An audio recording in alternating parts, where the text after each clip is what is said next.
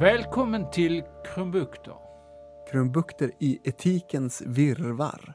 Mitt namn är Patrik Liljeglöd och i studion har jag med min kollega Petter Nissen. Hej. Det här är som sagt Krumbukter. Och eh, Petter och jag arbetar som handledare på en, en eh, daglig verksamhet som heter Studio Digital. Det är ju en verksamhet som eh, inryms inom LSS. Ja. Men hur skulle man beskriva mer? Jag skulle säga att det är en verksamhet som är till för att personer med neuropsykiatriska diagnoser ska kunna få en meningsfull sysselsättning. Och vi gör allt möjligt som personerna här tycker är meningsfullt, hoppas jag. Ja, Eh, En av de uppgifterna är att vi, vi skapar podcastavsnitt. Ja, därför är det också fullt naturligt att vi sitter här nu och spelar in den här podden. Och eh, det är ju så att vi har planerat att det här ska bli en, eh, en serie avsnitt och syftet har varit att vi vill göra en fortsättning av ett värdegrundsarbete. Ja. Vi vill att podden ska bidra med ett eh, samtal om etik som är ständigt pågående.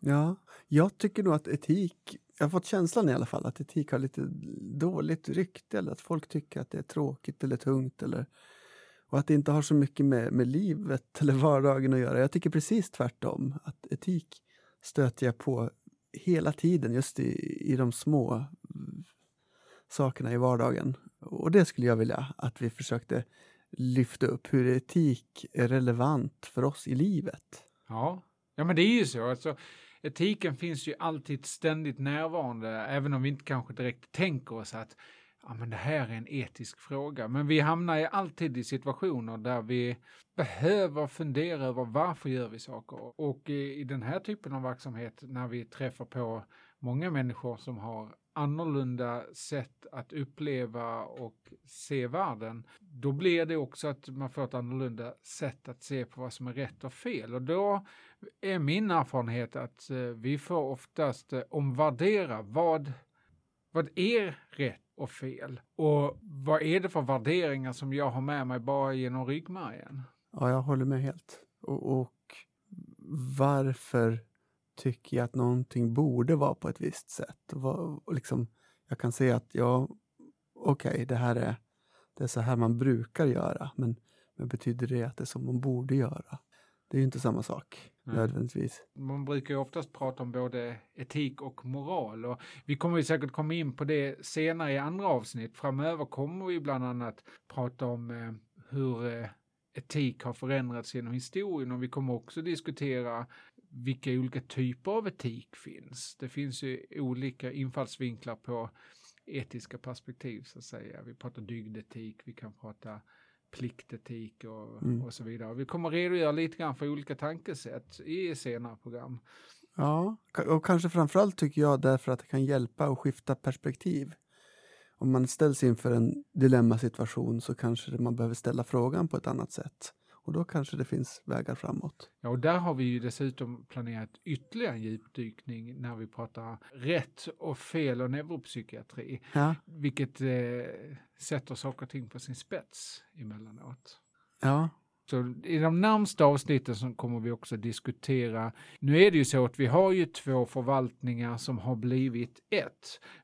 Bägge dessa förvaltningar har ju haft olika värdegrundsarbete som man har har arbetat med.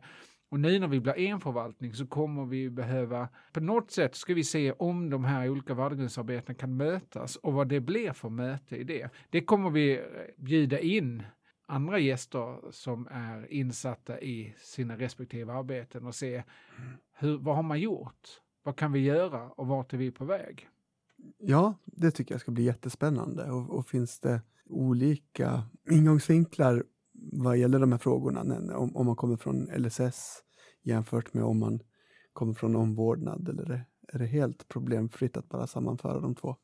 Jag, jag tycker det ska bli spännande att, se. Ja, ja men Vad det, det leder det, till. det, ser, det ser vi fram emot. Och det är ju så att vår roll i den här programserien. Vi kommer givetvis sitta så här och spåna och prata och så vidare, men, men vår huvudroll är väl egentligen tänkt att vi kommer vara samtalsledare när vi tar in gäster uh, som diskuterar frågeställningar som vi har lyft upp. Det ska bli väldigt spännande att, att höra vad alla gäster så vi kommer att bjuda in juristen, vi kommer att bjuda in sköterskor, vi kommer att bjuda in folk från kvalitetsrådet, vi kommer mm. att bjuda in gamla värdegrundsarbetare och ja, alla möjliga. Vi kommer också ha med deltagare som får ge sin syn på våra etiska dilemman och frågeställningar.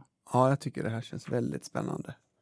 Mm. Roligt och hoppas att det kan leda till mer samtal kring hur vi ska bära oss åt för att det ska bli bra i allt som vi gör ja, men gentemot det väl, varandra. Det är väl det som är syftet någonstans, att vi, ja, vi ska försöka få lyfta upp vår blick och, och titta på, på tillvaron från lite från distans, men också att se hur ska vi kunna göra det bättre för de vi möter. Ja, ja och oss själva, att ja. mötena ska bli så bra som möjligt. Ja, det, det tror jag.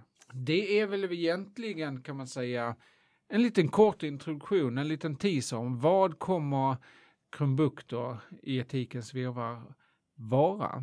Vi hoppas ju att ni kommer tycka att det är lika roligt som vi eh, att lyssna till som vi tycker det är att prata. Eh, och eh, är det så att ni sitter där ute med en frågeställning, en tanke, någonting som ni känner att varför tar de inte upp det här? Maila in till oss. Den här podden kommer finnas tillgänglig på studiodigital4.com ja. eh, som är vår hemsida. Den kommer också finnas på de appar där poddar finns att ta del av. Och våra mejladresser kan ni också hitta i anslutning till vår hemsida. Ja, så är det. Kul Patrik. Så hoppas jag att, ja, att ni hör oss framöver helt enkelt. Det var allt från Kronbukter för den här gången. Tack. Tack så mycket.